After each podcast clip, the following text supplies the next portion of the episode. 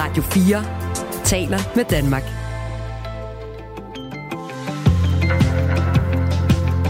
Velkommen til Radio 4 morgen. Hvor vi om øh, 10 minutters tid tjekker ind i øh, det jordskælv, der har ramt Tyrkiet, og også har øh, gjort, at øh, mindst 245 personer har mistet livet i Syrien, altså et øh, jordskælv, der ramte i nat. Vi kommer til at have øh, seniorforsker ved det nationale geologiske undersøgelser for Danmark og Grønland. Det der også nogle gange bliver kaldt for GEUS med. Trine Dahl Jensen er seniorforsker her og kan hjælpe os med at gøre øh, os lidt klogere på, hvordan øh, det her jordskælv har ramt, hvor henne, øh, og også øh, hvordan man er rustet til øh, det her jordskælv. Fordi det er jo sådan en et, et skælv, der ramte i nat, og hvor dødstallet er steget løbende i løbet af morgentimerne, og jo nok også et skælv, hvor øh, noget vil åbenbare sig efterhånden, så man får overblik over øh, de bygninger, der er styrtet ned og lignende. Vi kommer til at øh, vente med Trine Dahl Jensen her om sådan cirka 10 minutters tid. Det er et meget kraftigt øh, jordskælv, og det er også noget, som øh, den danske beredskabsstyrelse overvåger nøje. Det melder øh, Beredskabsstyrelsen på Twitter, at, øh, at Beredskabsstyrelsen vil holde øje med, om den kan gøre en forskel øh, ved eventuel assistance, og det sker så i samarbejde med øh, EU's krise- og situationscenter. Vi, øh, vi skal nok fortælle alt, hvad der er værd at vide om, øh, om den begivenhed, som altså har fundet sted i nat i Tyrkiet. Og faktisk, øh, mens vi taler om det nu her, kommer der lige en øh, melding fra nyhedsbyrået Reuters om, at øh, dødstallet i Tyrkiet alene er steget til øh, 284 personer ifølge landets vicepræsidenter. Derudover er der altså også øh, flere dødsfald i Syrien. Men øh, mere om det om cirka 10 minutter. Du lytter til Radio 4 morgen. De seneste 10 år er antallet af børn, der vokser op i øh, landets mindre byer og landdistrikter faldet markant. Det er sådan, at antallet af børn mellem 0 til 17 år i byer op til 5.000 indbyggere er øh, faldet i gennemsnit med knap 15 procent de seneste 10 år. Det viser et tal fra Danmarks Statistik. Udviklingen resulterer nu i, at flere kommuner enten har lukket skoler og daginstitutioner, eller står og skal træffe en beslutning om at gøre det i løbet af den her måned. Og så er spørgsmålet så, hvad vil politikerne på Christiansborg gøre for at forvente den udvikling? Det skal vi tale med dig om, Susie Jessen. Godmorgen. Godmorgen. Landdistrikts- og ø-ordfører for Danmarksdemokraterne, og så er du også formand for Folketingets udvalg for landdistrikter og øer. Øh, ja, lad os starte der. Hvad vil I gøre ved det her problem? Oh, der er meget, man kan gøre, men det jeg egentlig tror, det allervigtigste, det er, at man kontinuerligt gør noget. Øh, jeg synes, at der har været nogle gode ambitioner i løbet af årene øh, til simpelthen at få skabt nogle flere arbejdspladser i landdistrikterne for eksempel. Men det jeg egentlig synes, der er det vigtigste, det er, det er at der er et vedvarende fokus på at holde liv i områderne uden for de større byer. Og det synes jeg ikke rigtig sker lige i øjeblikket, så det er jeg faktisk lidt bekymret over. Jamen, det er, det er jo sådan, for byer på 5.000 indbyggere, og derunder er antallet af børn mellem 0 til 17 øh, år faldet med knap 15 procent de seneste, øh, de, de seneste 10 år. Lemvig, Lolland og Nordfyns Kommune er, er hårdest ramt. De har et, et fald på, på lige omkring 30 procent, altså en tredjedel af antallet af børn er forsvundet de seneste 10 år i, i de mindre byer. Og det er specielt i alderen 6-8 år, at der er sket et stort fald. Der ligger gennemsnittet på landsplan på mere end øh, 20 procent øh, i, øh, i byer under 5.000 indbyggere. Altså øh, fald på, på mere end 20 procent. Hvad, hvad tænker du, når du hører de her tal, øh, Susie Jessen? Jamen, jeg synes faktisk, det, det er skræmmende tal, fordi vi ved jo godt, at hvis det er, at der skal være liv i, i, uden for de større byer i fremtiden, så er det jo netop børnefamilierne, som vi skal have fat i. Vi skal gøre det attraktivt for dem at, at bosætte sig uden for, for de store byer. Og vi ved jo bare, hvor vigtigt det er, at der er en skole og en daginstitution og de her ting, fordi ellers så flytter folk simpelthen ikke til de byer, så vælger de et andet sted. Øhm, så det er, jo, det er jo lidt af et kredsløb det her, hvis det er, at man ikke vælger at, at flytte til de her områder, fordi der ikke er skoler, så, øh, så forfalder de. Og der ved vi jo også, at hvis der ikke er arbejdspladser, så bliver det jo også sværere at tiltrække øh, folk i den arbejdsdygtige alder ud til, til de områder. Så det hele det handler jo om, at vi skal have et fokus på, hvordan vi styrker alle de her ledelsen, så det er, at, øh, at det ikke knækker over simpelthen. Det vi har hørt her til morgen øh, kom blandt andet fra Lemvi, hvor man vil øh, sløjfe de, de største alders, eller hvad hedder det, klassetrin på, øh, på tre skoler. Altså øh, simpelthen øh, rykke dem over, så man kun har indskolingen på, øh, på tre skoler, og så må man øh, gå i øh, 7. til 9. klasse på andre skoler. Og i Nordfyns Kommune øh, står de og skal beslutte, om de skal lukke øh, tre skoler. Det er jo den der onde spiral, du taler om, at hvis man, øh, hvis man ikke har nogle øh, gode skoletilbud, øh, og også nogle skoletilbud, som ligger tæt på de mindre byer i kommunerne, så gider folk ikke flytte derhen. Øhm, så hvad siger du til, at, at det er kommunernes løsning? Jeg kan godt forstå, at kommunerne de står i en svær situation nogle gange, hvor det er, at de er tvunget til at, til at lukke nogle skoler, simpelthen fordi der ikke er børn nok. Øhm, jeg tror ikke, der er nogen politikere, der sidder ude i kommunen, der gør det her, øh, øh, fordi de synes, det er sjovt. Det tror jeg simpelthen ikke på. Men samtidig så er det jo også bare vigtigt, at vi så fra Christiansborg bliver ved med at have et stort fokus på alle de parametre, der gør, at skolerne bliver styrket rundt omkring i, øh, i landdistrikterne. Og der er jeg sådan lidt øh, bekymret i øjeblikket, fordi jeg synes ikke, at regeringen de, øh, de tager det her område specielt seriøst. Altså, øh, vi har lige set for eksempel, at de vil øh, droppe den her udflytning af 800 studiepladser på velfærdsuddannelserne rundt omkring i, øh, uden for de større byer. Og det er jo bare sådan endnu en ting, der gør, at øh, så, så går det i den forkerte retning. Og det, det synes jeg faktisk er rigtig, rigtig ærgerligt. Fordi, som jeg sagde i starten, det kræver, at man har et kontinuerligt fokus på det her. Man kan ikke bare sådan øh, synes, at man gerne vil gøre noget godt for landdistrikterne en gang imellem, fordi så ender det altså galt. Susie Jessen, øh, du er altså landdistrikts- og ø-ordfører for øh, Danmarksdemokraterne, så lad os prøve at tale om, hvad, hvad I vil gøre i Danmarksdemokraterne for at få øh, flere børnefamilier til at rykke ud til de her tyndt befolkede områder. Hvad vil I gøre? Ja. Jamen, altså, vi har for eksempel haft et forslag om, at vi vil øge kørselsfradraget med 50 procent, det der befordringsfradrag, som mm. man mhm. får for at køre over længere afstand. Øh, det vil vi gerne øge for, for de øh, 25 yderkommuner, som man jo ofte taler om, øh, kræver lidt ekstra. Det er en af de ting, som vi har foreslået. Så, så er der jo også øh, forhandlinger lige nu om den der inflationshjælpepakke, hvor vi går til forhandlingerne med et landdistriktsfokus, fordi vi netop oplever, at der ikke er specielt mange andre partier, synes vi, som har det fokus på, på landdistrikterne. Øhm, det kan være sådan noget som, at vi gerne vil hjælpe de små købmænd som har haft det svært her i den her energikrise øh, med at få tingene til at løbe rundt og hænge sammen. Og det er jo også endnu en ting, hvis man fjerner købmanden fra byen, så kan det også godt være, at det er mindre attraktivt at flytte dertil. Så det, det er sådan nogle ting, vi har fokus på lige i øjeblikket. Øhm, som er langsigtet, så kigger vi også på, på at få nogle bedre rammer for de små og mellemstore erhvervsdrivende, der ligger ude i, i landdistrikterne. Vi ved, at de er ret overbyrdet i øjeblikket med en masse love og regler og registrering, som de skal overholde. Jeg mener, det er sådan 1200 love, de skal have styr på. Og hvis man sidder i en lille øh, tømmervirksomhed på tre medarbejdere, hvor man skal hive den ene medarbejder ud, for, øh, for simpelthen at sidde og lave alle de her ting på computeren øh, i løbet af ugen en del timer, så gør det jo også, at produktiviteten falder i netop den virksomhed. Men det er vel ikke så, noget administration? Ting, man kan gøre. Undskyld, jeg øh, afbryder dig, så det er vel ikke noget administration, der rammer øh, lige særligt i landdistrikterne? Det er vel bare nogle generelle regler? Ja, men, men det, det rammer mere i landdistrikterne. Det rammer altid mere i landdistrikterne, fordi der er de her små håndværkervirksomheder, der ligger rundt omkring i, øh, i de mindre byer, især håndværkervirksomheder. Og, og det er bare, hvis man tager dem ud af ligningen her i landdistrikterne, så rammer det jo hårdere, end det vil gøre inde i en by. Så det er vigtigt, at vi, at vi styrker de her små og mellemstore virksomheder. Vi har også et fokus på landbruget. Ja, øh, lige før det, du hopper videre, er, er måske lidt... Øh, Ja, lige før du hopper ja, videre, øh, bare lige, lad os lige blive lidt ved den der øh, idé med, øh, med at, at de ikke skal lave så meget administration ude i, i de små øh, tømmervirksomheder. Ja. Øhm, ja. Altså, hvad er det så for nogle regler, de ikke skal leve op til, og er det kun dem, altså dem, der øh, holder til i de mere tyndt befolkede områder, der ikke skal det?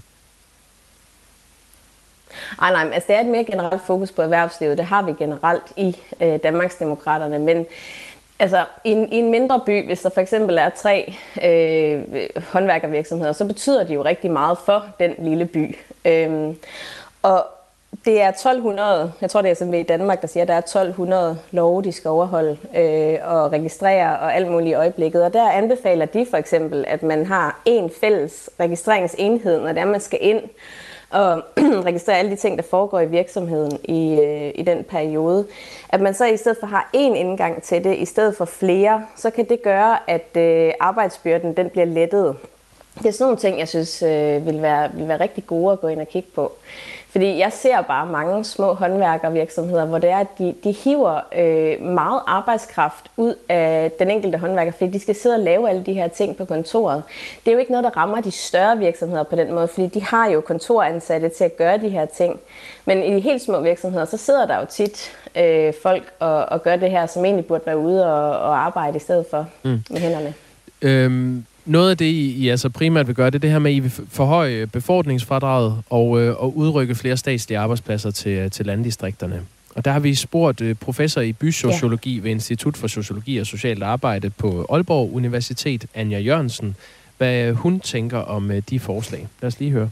Der er ikke mange snuptagsløsninger på, det her, på, på, på den her øh, problemstilling. Og så skal man måske også samtidig tænke over, at der er altså nogle områder af dem, vi har øh, i, i fokus her, som vil have nemmere ved det end andre. Og det vil være noget, som handler om deres beliggenhed og placering i forhold til de største byer i landet.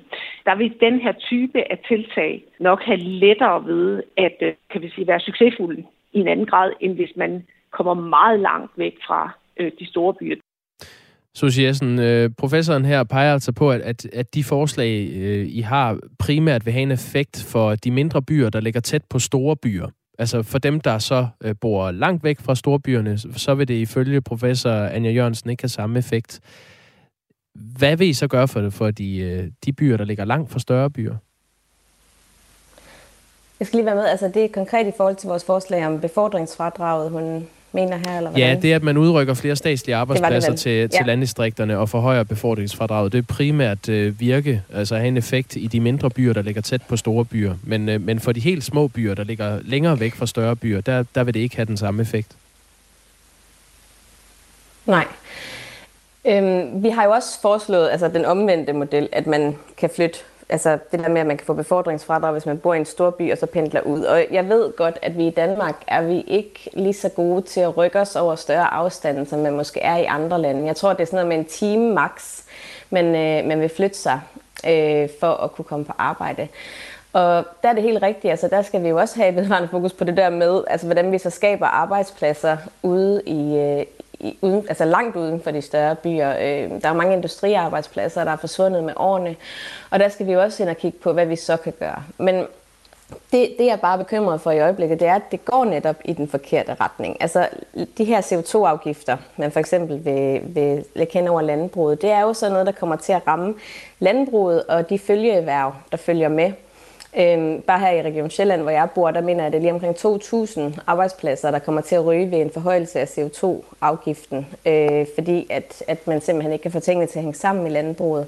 Så det er det her med, at, at man ikke man faktisk gøre ting i øjeblikket, der får det hele til at i en forkert retning, og det synes jeg er rigtig ærgerligt. Det kommer jo selvfølgelig an på, om man har øh, klimabrillerne på, eller om man har, har, øh, har de briller på, der vil sikre, at, øh, at folk bliver boende i de små bysamfund. Ja, men, men nu synes jeg egentlig, at øh, i landdistrikterne bærer man i forvejen en kæmpe, en kæmpe opgave med, med netop klimaområdet, fordi det er jo også der har alle solcellerne og vindmøllerne herude og som egentlig mærker rigtig mange af de klimaindsatser. Det tror jeg også, folk er helt med på. Men det, gør jo, det skal jo ikke samtidig betyde, at øh, arbejdspladserne bare forsvinder herude, fordi at, øh, at man har meget, meget travlt med at nå nogle, øh, nogle mål på, på klimaområdet. Altså det, tingene må følge lidt med. Det, det nytter jo ikke noget, at arbejdspladserne forsvinder og rykker til udlandet, fordi vi vil være verdens dukse på klimaområdet. Det går altså ikke. Uh, Susie Jessen, der er, jo mange, der er jo mange idéer og forslag her, der bliver bragt i spil, og, uh, og det, det kan være svært at nå runde dem alle sammen. Jeg vil gerne lige, uh, lige slutte med at vende tilbage til, til noget af det, du foreslog, altså at, uh, at der skulle være nogle mere lempelige regler for de små virksomheder i, uh, i de helt små samfund. Mener du uh, grundlæggende, ja. at der skal være mere lempelige regler for de små virksomheder i provinsen i forhold til de små virksomheder i, uh, i de større byer? Det må man jo gå ind og kigge på. Altså, det er jo de der 1200 lov og regler, de skal overholde. Og det tror jeg, at enhver virksomhed, uanset om man øh, har virksomhed i Vallensbæk eller, eller Varde, synes er, er enormt meget øh, og, og træls. Øh, så altså, det, selvfølgelig vil det jo også have en god effekt for, for virksomhederne i byerne. Det er jo ikke fordi, at vi ikke vil, vil gøre noget godt for dem. Selvfølgelig vil vi det.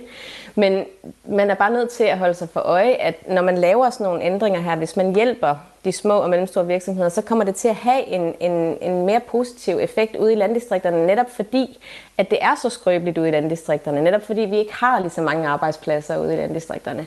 Så når man, når man gør de her ting, så har det bare en mere positiv effekt øh, på, på de områder. Ikke? Også, så, så det er jo derfor, jeg, jeg fremhæver det, fordi at det betyder meget. Hver eneste gang en, en arbejdsplads bliver nedlagt ude på landet, så betyder det enormt meget i forhold til, hvad det nok vil gøre inde i en stor by. Så, så bare lige ja eller nej, altså skal der være mere lempelige regler for dem, der, der holder til i landdistrikterne og de mindre byer, end dem, der holder til i større byer? Nej, altså det vil jo være, det vil jo være de samme øh, lempelser, der vil ske hele vejen rundt. Så okay. det er jo ikke sådan mere specifikt ned på... Altså ja, det, det vil jo være de samme regler hele vejen rundt, men det vil jo gavne, men det vil jo gavne landdistrikterne mere, end det vil gøre inde i en stor by.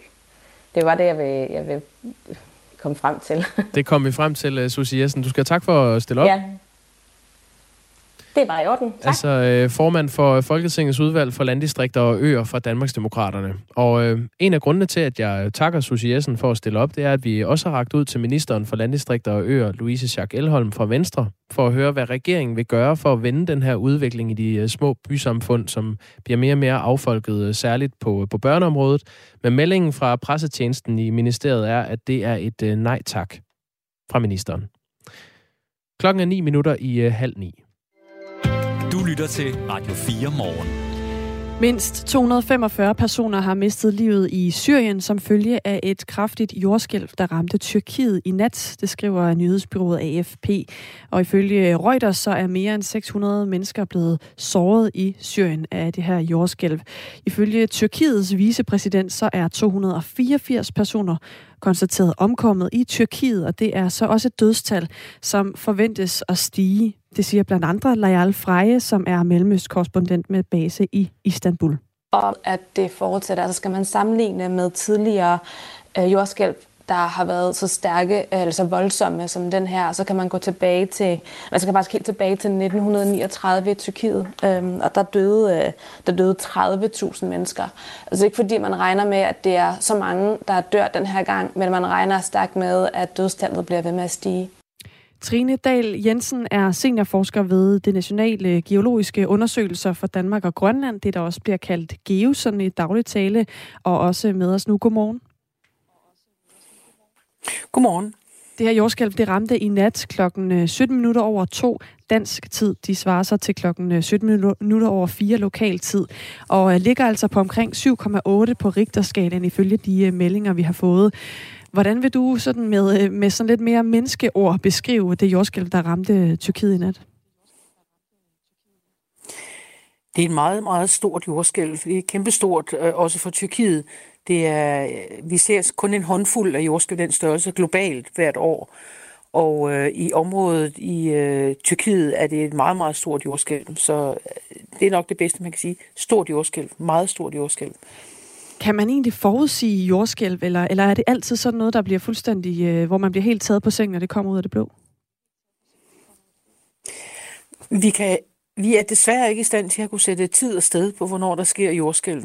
Det vi kan gøre, og det vi selvfølgelig også gør inden for de seismologiske branche, det er at øh, regne på risiko for, hvor kraftige rystelser man kan risikere at blive udsat for på et bestemt sted.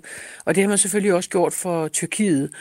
Og de her risici, de siger noget om, hvor kraftige rystelser man må forvente kun bliver overskrevet i, med en vis procentdel af tid inden for en overrække.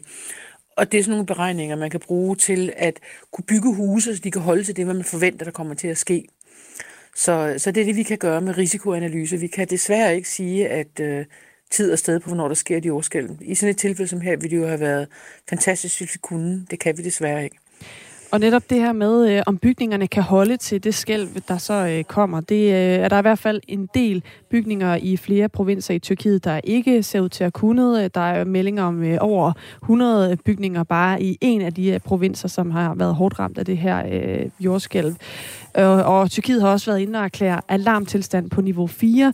Det er også noget, der udløser en opfordring til det internationale samfund om at komme med hjælp. Det er også øh, nyhedsbyrået Reuters, der skriver det.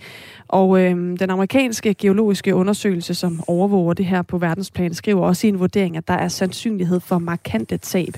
Nu nævner du, Trine Dahl Jensen, at noget af det, man trods alt kan gøre, er selvfølgelig at vide, hvad, hvor, hvor slem kan risikoen være hypotetisk set, og så rust, ruste sig til et øh, jordskælv, ruste bygningerne til at kunne holde til det.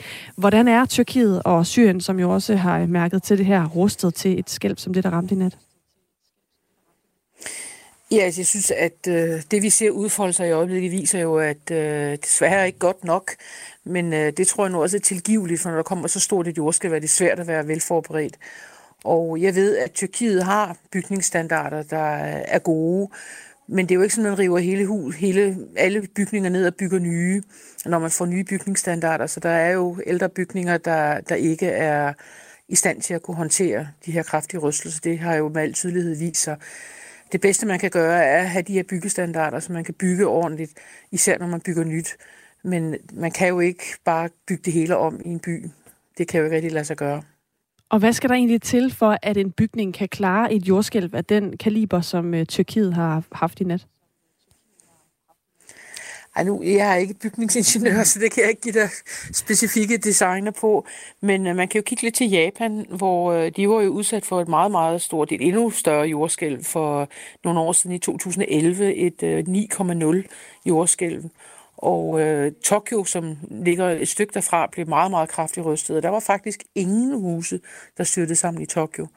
Så der har de altså formået at være, at være hvad hedder det, forberedt tilstrækkeligt meget på, at deres huse ikke styrtede sammen.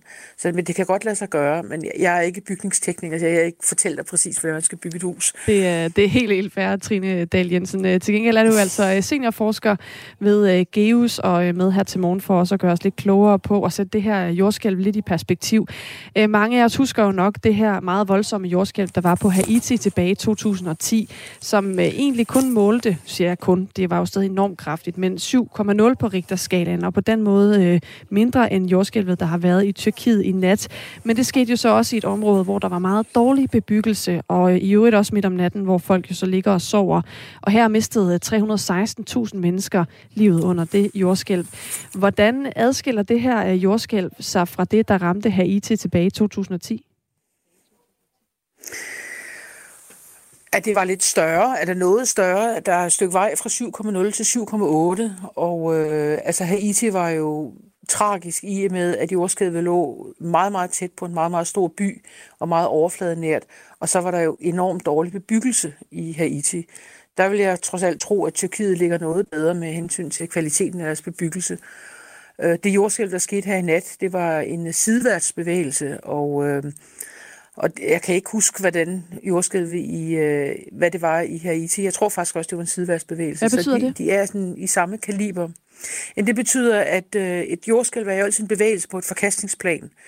Og øh, det kan jo så være op og ned, eller sideværts, eller på skrå. I det her tilfælde her, det der skete i nat, det var en sideværtsbevægelse, altså hvor de bevæger sig horisontalt i forhold til hinanden, de her to forskellige plader. Det ligger jo lige på en pladegrænse, det her jordskælv, der er sket.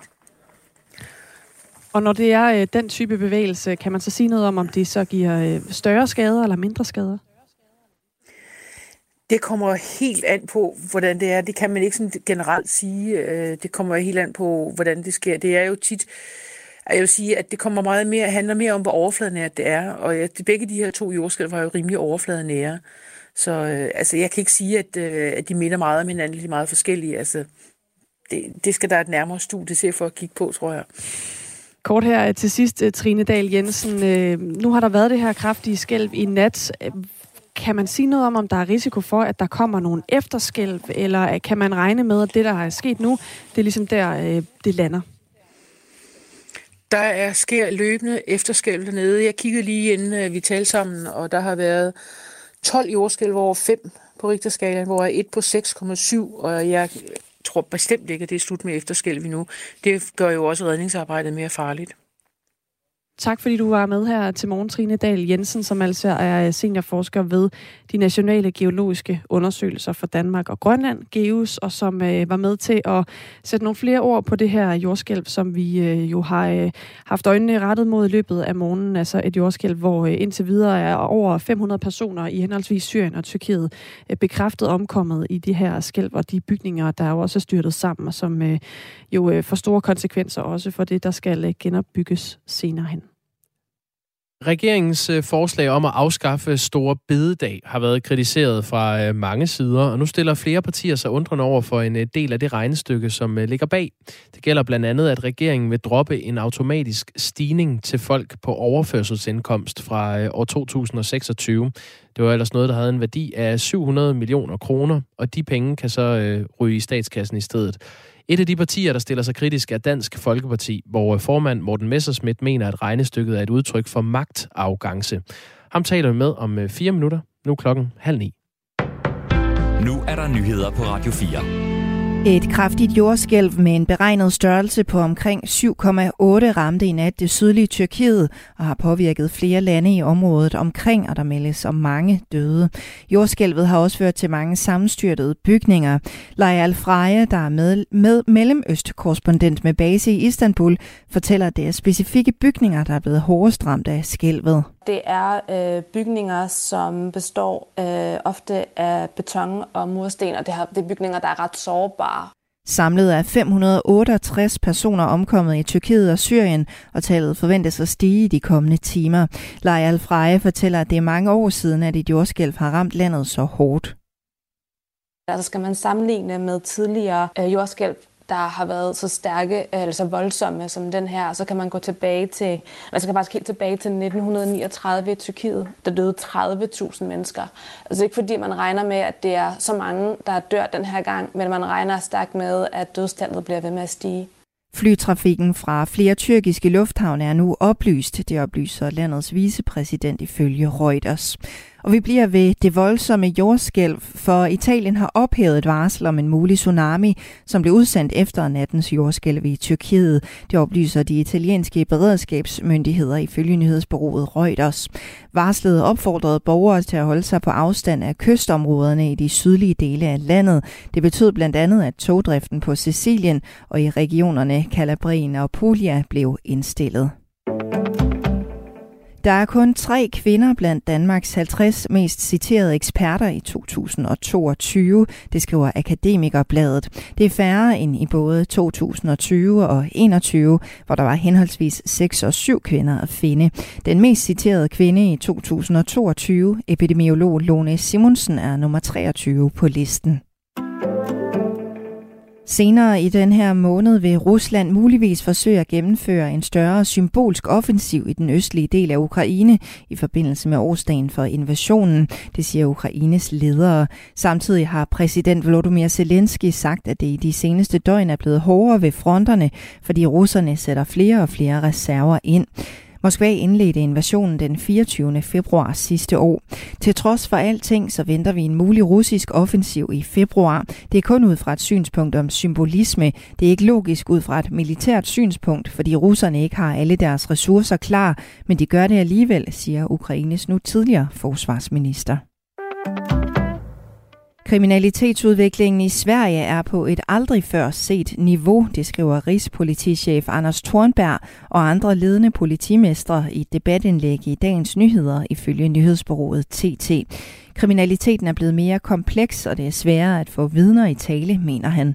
Anklager, vidner og gerningsmænd, som tidligere har talt med politiet og afgivet vidneforklaring i retten, giver nu næsten aldrig nogen oplysninger. Det gør efterforskningen væsentligt vanskeligere. Succes i anklagemyndigheden kræver ofte at finde andre svære beviser, skriver Thornberg.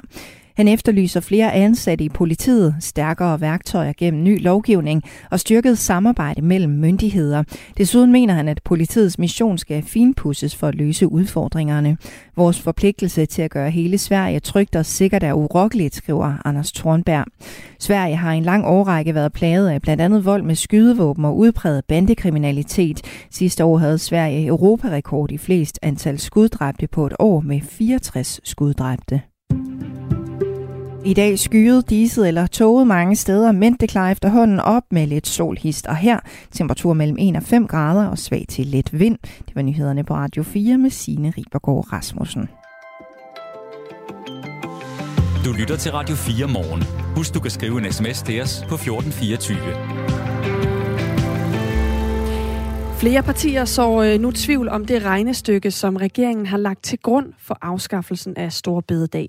Nu går der lige sådan lidt uh, talknuseri i den. Men altså regnestykket handler grundlæggende om, at ud af de 3,2 milliarder kroner, som regeringen vil finde ved at afskaffe Stor Bededag, så kommer 700 millioner kroner af dem fra at droppe en automatisk stigning i overførselsindkomsterne fra år 2026.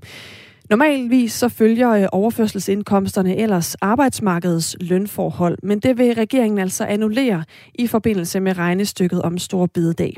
Folkepensionister og kontanthjælpsmodtagere vil derfor ikke få en stigning i deres overførselsindkomst, når nu arbejdsmarkedet ellers bliver kompenseret for arbejde på stor bidedag. Men det burde de, mener blandt andet, blandt andre øh, Morten Messersmith, formand for Dansk Folkeparti. Godmorgen.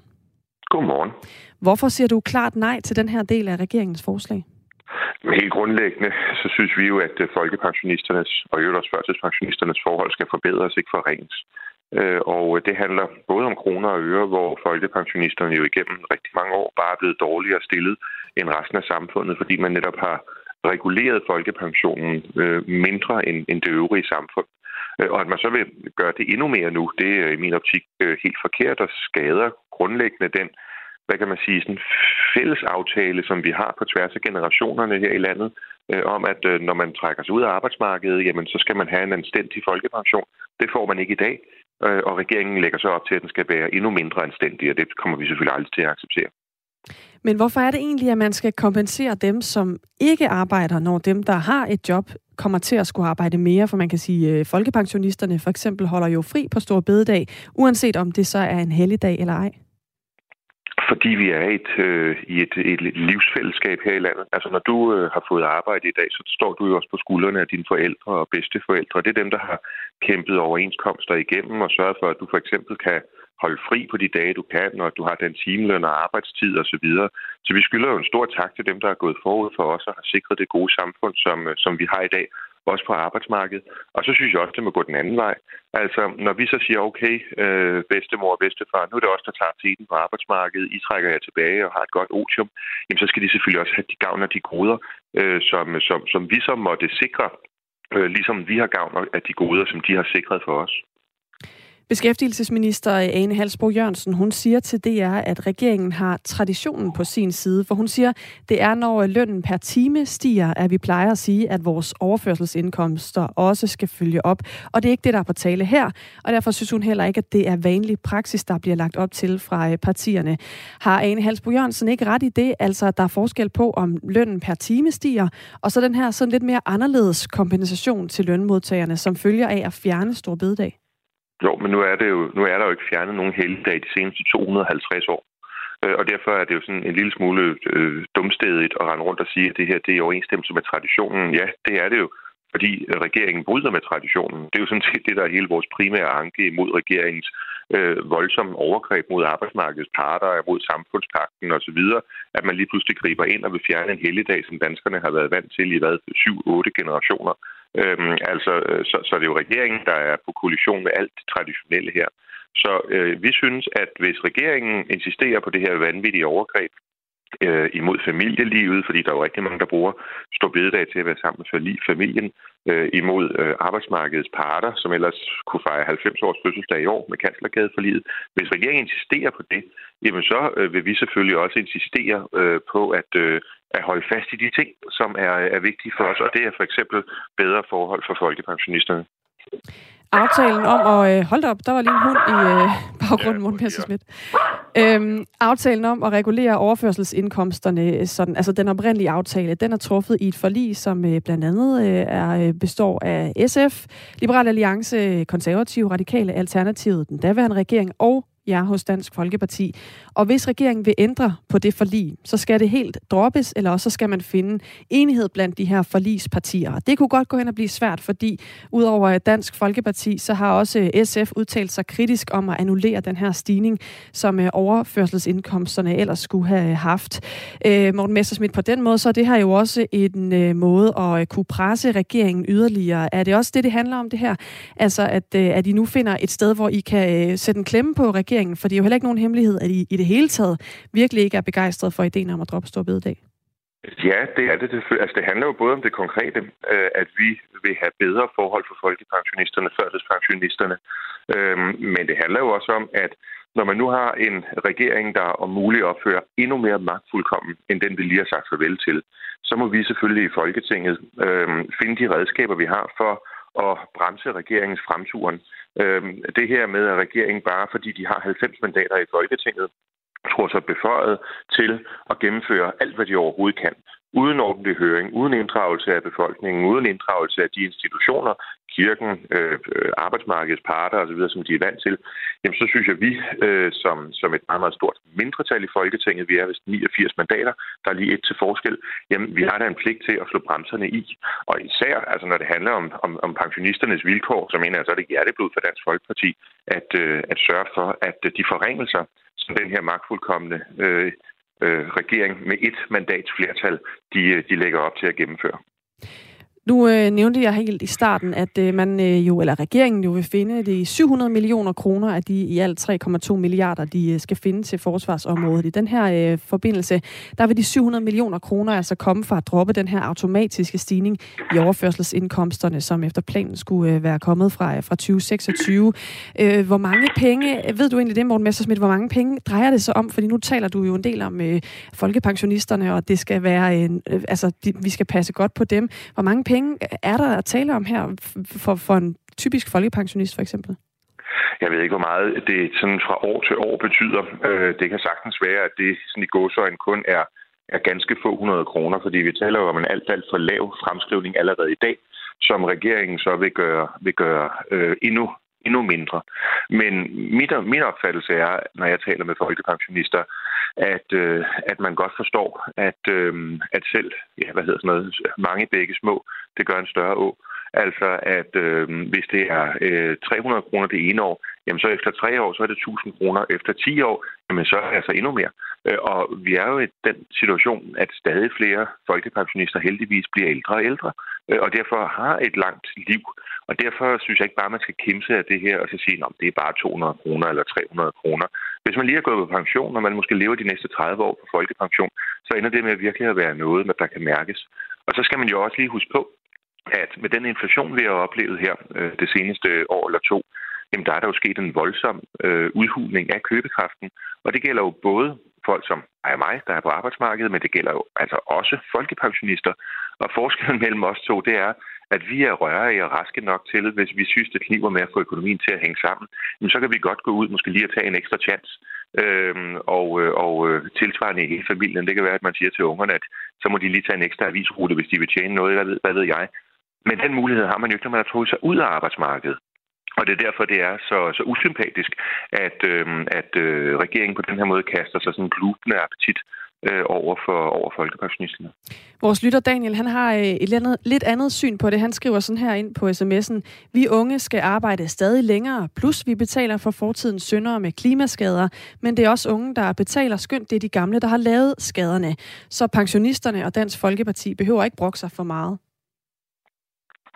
Ja, Hvad siger det, du til det? Synes, han er, jeg er bare helt fundamentalt uenig. Jeg synes, at det samfund, vi er født ind i, nu ved jeg ikke, hvilken generation. Var det Daniel? Det var Daniel, ja. Øh, han, han, han er, men, øh, men det samfund, som, som vi har overtaget, er markant bedre end generationen før os. Det er et sundere samfund, det er et renere samfund, det er et samfund, hvor man lever længere, hvor der er langt mere bedre muligheder, både for uddannelse og, og, og for at være på arbejdsmarkedet.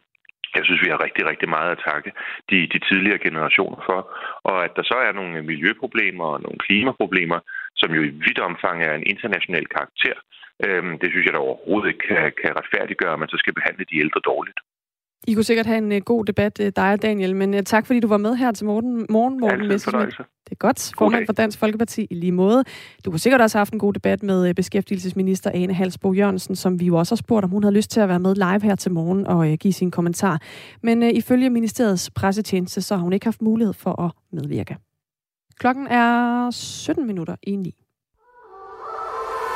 Vi gjorde det! Missionen på Radio 4 er taleradio, der handler. Vi kan godt lide at gøre noget. Ja! Yeah. Ikke, ikke bare tale. Fra mandag til torsdag kaster Amalie Bremer og Tony Scott sig over en ny mission. Vi to taler jo meget. Mm-hmm. Og så har vi en handlende kraft. Ja, ja. Jamen, sådan har vi fordelt det. Som er reporter, Rasmus. Ah! Når det rigtig bliver svært, så siger vi, og nu stiller vi over til dig, Rasmus. det skal du gøre. Lyt til missionen mandag til torsdag fra 15 til 17. Radio 4 taler med Danmark. Hvis øh, man har været ved lægen for at få tjekket et modermærke, som man synes ser lidt øh, mærkeligt ud, så kan ens læge have svært ved at vurdere, om øh, modermærket er god eller ondartet. Og derfor øh, ender det tit med, at lægen sender en videre til en øh, hudspecialist, som ofte har en presset kalender. Og det gør så, at man kan gå med bekymring om, om hvorvidt man har fået hudkræft i flere uger. Men i Region Hovedstaden har en app øh, forsøgt at afhjælpe de her bekymringer. Det skriver DR her til morgen. Ja, den hedder Derm Loop, og øh, det er den danske læge og iværksætter Nils Kvorning Ternov, som står bag den her app. Godmorgen. Godmorgen. Nu er du øh, manden bag, så du kunne sikkert gøre det ganske kompliceret, men sådan helt kort og enkelt, hvad er det så, den her app den gør? Jamen, jeg vil starte med at sige, at det ikke er en app, det er et system, og, og det er et system, der består af to apps og en, en webapplikation.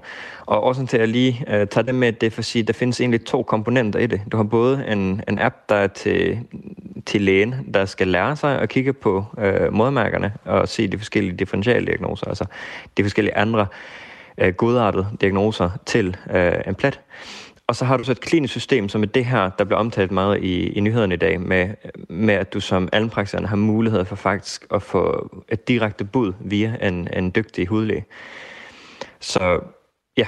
Så det vil sige, det, det er, er den praktiserende overordnet. læge, der via den her, det her system, så kan få hjælp til at vurdere øh, de her modermærker? Lige præcis. Så de kan både blive bedre til at foretage deres egen vurdering, og det er jo det, der gør, at de rent faktisk øh, får kigget på nogle flere pletter måske, end hvad de ellers ville have haft øh, mulighed for. Men, men så også, at når de er i tvivl om, øh, kunne det her være modmærkekræft eller almindelig hudkræft, så kan de sende det videre til en ekspert, der lige kigger på det og giver dem et besøg og samtidig noget, noget øh, læringsfeedback. Hvad er det for nogle øh, forhold eller øh, ting, der bliver kigget på via øh, det her system, altså via de her forskellige øh, apps og, og samarbejdet? Så lige nu kigger vi kun på pletter. Altså det vil sige modermærker og alt, hvad der øh, kunne ligne øh, et modermærke for, for både det trænede og det utrænede øje. På sigt øh, regner og håber vi med at få øh, udslæt med indover, øh, sådan at, at både de, de klassiske udslæt, men også øh, akne og hår og negle kunne komme ind. Det var ikke en del af det lige nu, øh, men, men tanken er egentlig at gøre det så nemt som muligt for den almenpraktiserende at navigere rundt, sådan at det bliver en, en fordel og en, en glæde for dem, og ikke øh, et endnu et irriterende system, de skal forholde sig til. Over de næste seks måneder, så skal den her app og det her system implementeres i øh, Region Syddanmark og på Odense Universitetshospital. Og øh, på Bispebjerg Hospital i København, der er Katrine Karmisholdt overlæge på hudafdelingen. Hun øh, siger over for DR, at det også er rigtig vigtigt for hudlæger at se på hele patienten frem for billeder af et enkelt modermærke, fordi der kan også tit være et mønster, der går igen. Er der ikke nogen øh, risici ved, at man har en app, som gør det sådan rimelig enkelt og, og meget specifikt, altså via den her her øh, app? Jo, altså jeg er jo helt enig med Katrin. Uh, sådan fra et fagligt perspektiv, så er det virkelig vigtigt. På nogle patienter er det virkelig vigtigt at se hele patienten for at få en fornemmelse. Det vi ved, det er bare, at der er også rigtig mange patienter, hvor du ikke behøver at se hele patienten, og hvor du meget hurtigt kan afslutte. Eller sige, hey, den her kunne vi egentlig godt trænge til at se på igen af den her plet. Så, så det egentlig, handler egentlig om sortering. Det handler ikke om, at den her øh, løsning nu går ind og overtager hele systemet som der. Det handler egentlig bare om, at den hjælper det nuværende system med at få sorteret i de godartede og de ondartede diagnoser, og, og derved sikre, at de patienter, der virkelig har brug for at komme ind, fordi det er sådan, i dag er der faktisk 25-28 procent af alle patienter med modermærkræft, som ikke bliver henvist som modermærkræft, men bliver henvist som en godartet diagnose eller, eller mistanke derom. Så, så det her handler jo om, at dem, der lige nu bliver forsinket, det vil jo kunne komme til hurtigere, samtidig som vi kan afslutte nogle af alle de godartede pletter, som er åbenlyst godartet. Så det vil jo stadigvæk være mange patienter, der kommer videre, men der vil ligeledes være mange, der kan afsluttes. Hvad har egentlig været din øh, motivation til at udvikle det her system og den her øh, app, som, øh, som kan hjælpe patienter på det her område? Jeg vil jo starte med at sige, at, at øh, det kan godt være, at jeg er idémanden bag, og også øh, vil sige, noget af drivkraften i det, men der er jo et stort hold af utroligt dygtige mennesker, som, som jeg øh, også bare lige vil øh, få nævnt. Øh, og drivkraften for mig, det har egentlig været, øh, jeg har sådan meget en, en jeg har et meget stort behov for at løse problemer. Og jeg fik i, i sin tid for omkring fire år siden, øh, fik jeg besked på, at det største problem lige nu inden for hud- øh, og modmærkekræft, det er, at der er alt for mange godartede ting, der fuldstændig øh, tamponerer sundhedssektoren, så vi har færre og færre ressourcer til det underartet, fordi at vi skal prøve at, at imødekomme alt det godartede. Så det er egentlig det, der har været min motivation. Min motivation har hele tiden været, kan vi prøve at sikre, at ressourcerne havner det rigtige sted, sådan at, at det bliver nemmest og bedst muligt for mine kollegaer at, øh, at gøre det, de er gode til. Diagnosere, behandle de patienter, der har brug for det. Sådan sagde altså læge og iværksætter Nils Kvorning Ternov. Tak fordi du var med. Stort tak. Som øh, altså, god dag. i lige måde, som står bag den her app, Derm Loop, som skal være med til at øh, gøre det lettere for de praktiserende læger at vurdere modermærker, når man øh, kommer ind med et modermærke, man synes ser lidt mistænkeligt ud.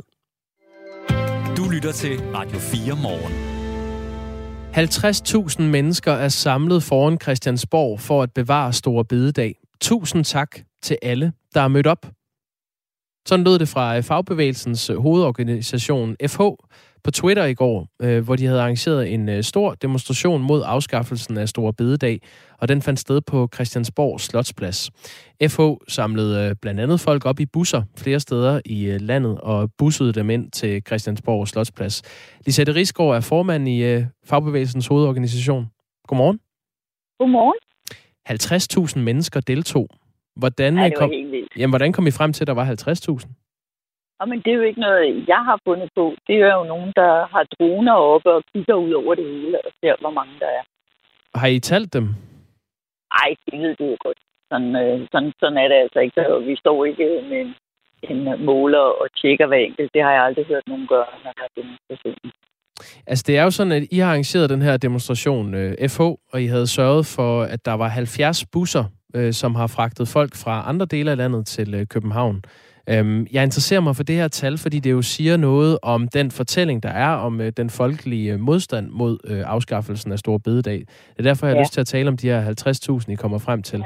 Hvis vi nu tager de 70 busser, øh, så kan der i en stor moderne dobbeltdækker være 89 personer. Hvis I nu har fyldt 70 af dem, så giver det lige omkring ja, godt 6.000 mennesker, hvis de her store busser er fyldt helt op.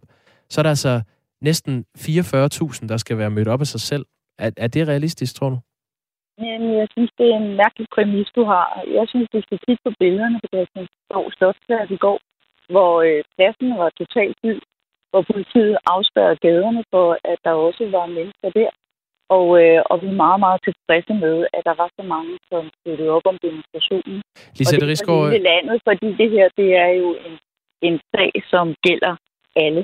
Hvor øh, regeringen jo går ind og, øh, og tager en fridag fra øh, lønmodtagerne uden at have drøftet det mere. Så vi har jo som sagt en aftalemodel, hvor løn og arbejdsforhold bliver aftalt mellem parterne. Lisette Rigsgaard, jeg afbryder dig lige, fordi der er simpelthen så ulden lyd på din uh, telefon. Jeg ved ikke, om du har mulighed for at gå hen til et uh, vindue, eller det lyder lidt underligt, men nogle gange hjælper det lige at svinge telefonen over hovedet, um, så vi bedre kan høre, hvad du siger. Er det bedre nu? Ja, meget bedre. Tak skal du have. det er godt. Okay. Det er godt. Ja, uh, du siger, det er en mærkelig præmis, jeg sætter op. Ja. Hvorfor synes ja. du det? Jamen det gør jeg, fordi som sagt, så, øh, så slotspladsen var fyldt, og gaderne omkring var også spærret af. Øh, det havde politiet gjort, fordi at der var så mange mennesker. Og, øh, og det, der er vigtigt for os, det er jo, at vi igen øh, siger til regeringen, siger til hele Folketinget, det her det er den helt forkerte måde at, øh, at gøre tingene på. I Danmark, der har vi en aftalemodel, hvor det er arbejdsmarkedets parter, der sætter løn og arbejdsvilkår. Og her er det jo en regering, der øh, øh, tillader, at de bryder ind i vores aftalemodel og vil fjerne en, øh, en helligdag, uden så overhovedet at have drøftet det med arbejdsmarkedsparter. Mm. Det, er den ene, det er den ene ting, og den anden ting, det er jo, at øh, vi står midt i private overenskomstforhandlinger, hvor, øh, hvor vi i forvejen er rigtig udfordret af den meget høje inflation, der er. Øh, og det er, er rigtig vanskeligt for vores øh, både arbejdsgiver og arbejdstager at sætte sig til bordet og finde øh, nogle gode løsninger i forvejen. Og så er der det helt vilde, nemlig at den her regering jo øh, med den ene hånd siger, at man har brug for at fjerne, øh, bryde ind i vores overenskomster, fordi man skal støtte op om, om forsvaret, men samtidig med så giver man skattelettelser og skattelettelser for meget mere end det, man mener, at en stor bededag øh, kan bidrage. Det er den helt forkerte vej at gå, og øh, det har vi sagt til dem øh, fra starten af. Vi har bedt dem om at indkalde til trepartsforhandlinger. Vi har deltaget i den værste øh, krise, vi har haft omkring corona øh, nogensinde, og, øh, og har lavet 19 trepartsaftaler. Øh, vi synes, at regeringen øh, har øh, Øh, har totalt øh, undervurderet, hvad det her betyder for, øh, for vores samfund. Og i stedet burde de indkalde, som sagt, og øh, bede arbejdsmarkedsparter være med til at løse det problem, der er. Og, øh, og der virker det meget underligt, at de øh, så bare fortsat øh, holder fast i, at øh, det er de sådan set ligeglade med. At de trumler ind i den danske aftalemodel i det spændensvæv med en boksehandske, det virkelig er det er substansen i argumentationen imod afskaffelsen af Stor Bededag. Så, så fik vi øh, den af vejen i Sætte Rigsgaard. Jeg vil utrolig gerne tale med dig om det her tal, I kommer frem til. Altså, at der er 50.000 mennesker, som mødte op på Christiansborg Slotsplads. Øh, da demonstrationen startede, lød det fra arrangørerne, at mindst 30.000 mennesker var mødt op, og senere på eftermiddagen vurderede øh, man så, at der var mindst 50 1000 mennesker ja. til stede. Og det tal kan Københavns politi ikke bekræfte, da politiet ikke kommer med en vurdering af antallet af deltagere. Så øh, det er jo en, en, en strid om, hvor meget fylder en, en menneskemængde. Jeg sidder også her med et billede af, at, øh, at folk, øh, folk der, der er et flot fremmøde. Det vil jeg, det vil jeg give dig. Men hvis, hvis der skal være 50.000, så skal der virkelig have været mange. Vi har været inde på, øh, på det, der hedder mapchecking.com, det er sådan et, øh, et redskab, som man kan bruge til at estimere, hvor mange mennesker er der, øh, hvis de står virkelig tæt. Og der har vi markeret hele slotspladsen øh, foran Christiansborg hen over vejen, helt ned til Holmens kanal.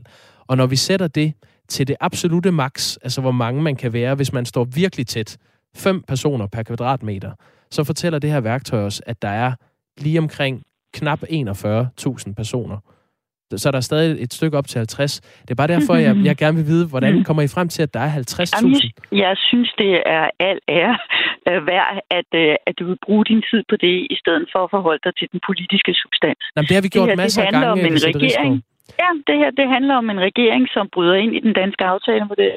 Det handler om en hel befolkning, som ikke mener, at det er den måde, vi skal øh, kan du sige, ødelægge vores aftalemodel, og de mener heller ikke, at man skal fjerne en stor bededag. Slet ikke, når man ikke har drøftet det med befolkningen for inden.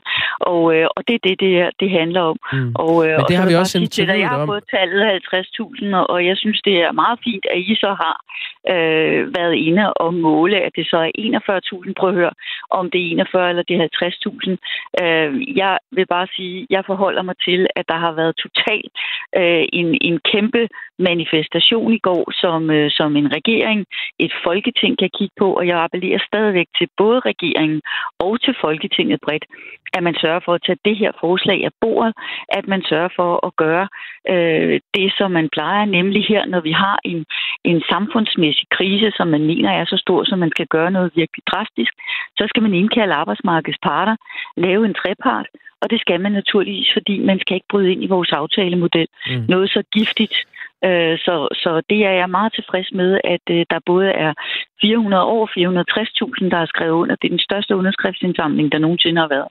Og så lige sådan, at øh, de møder op øh, fra nær og fjern, fra Skagen og til øh, museer til, til Gæsser og til, øh, til Esbjerg og til Åben Rå og Sønderjylland. Det er faktisk rigtig, rigtig flot. Mm.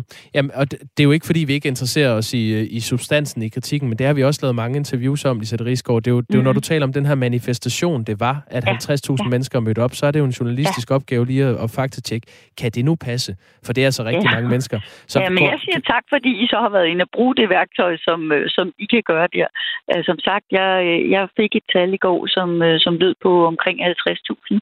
og, og som jeg siger til dig, jamen jeg er da meget tilfreds med, at I har været inde og, og sige, når I sætter det på det allerhøjeste, så kan det være 41.000. Prøv at høre. Øh, det er, det, det er jeg da rigtig glad for, at I også går ind og kigger på. Det, jeg er mest glad for, det er, at der er så stor opbakning til at vise regeringen og Folketing, at det her det er den forkerte vej at gå. Og jeg, øh, jeg har en, en forhåbning fortsat om, at det her det er jo ikke slut før tredje behandlingen den har været. Og, øh, og der er stadigvæk øh, rum for, at regeringen kan pille for øh, det her forslag af bordet og indkalde til forhandlinger og drøfte med os. Og der er også en mulighed for, at oppositionen øh, øh, tager det på sig det, de har sagt, nemlig at de synes, at det her det først kan være på en anden side af et folketingsvalg, jamen så bør de sørge for at bruge de 60 mandater øh, klogt nu her, sådan så at man ikke kommer til at gøre noget, der er øh, helt galt øh, det, på nuværende tidspunkt. Det sidste, det, det er der ikke lige umiddelbart lagt op til, at, at de kommer til at gøre. Det er i hvert fald ikke noget, der er, der er 60 mandater for endnu. Øh, Lisette Rigsgaard, vi kommer garanteret til at tale mere med dig, også øh, når, øh, når vi nærmer os vedtagelsen af det her øh, forslag. Jamen, bare lige til sidst her, vi har 20 sekunder. Medgiver du, der kan have været 40.000? Jeg, jeg medgiver, at der var en fyldt øh, Christiansborg Slottsplads, der var fyldt i gaderne omkring. Okay. Og, øh, og det, øh, det tal, jeg har fået slag på tasken, er 50.000, og nu har jeg fået et for dig på 41. Jeg er meget, meget glad for øh, eftermiddagen i går. Det er i orden. Tak fordi du var med. Ja, selv tak. Lisette Rigsgaard, som er formand i øh, Fagbevægelsens hovedorganisation, og tak i lige måde.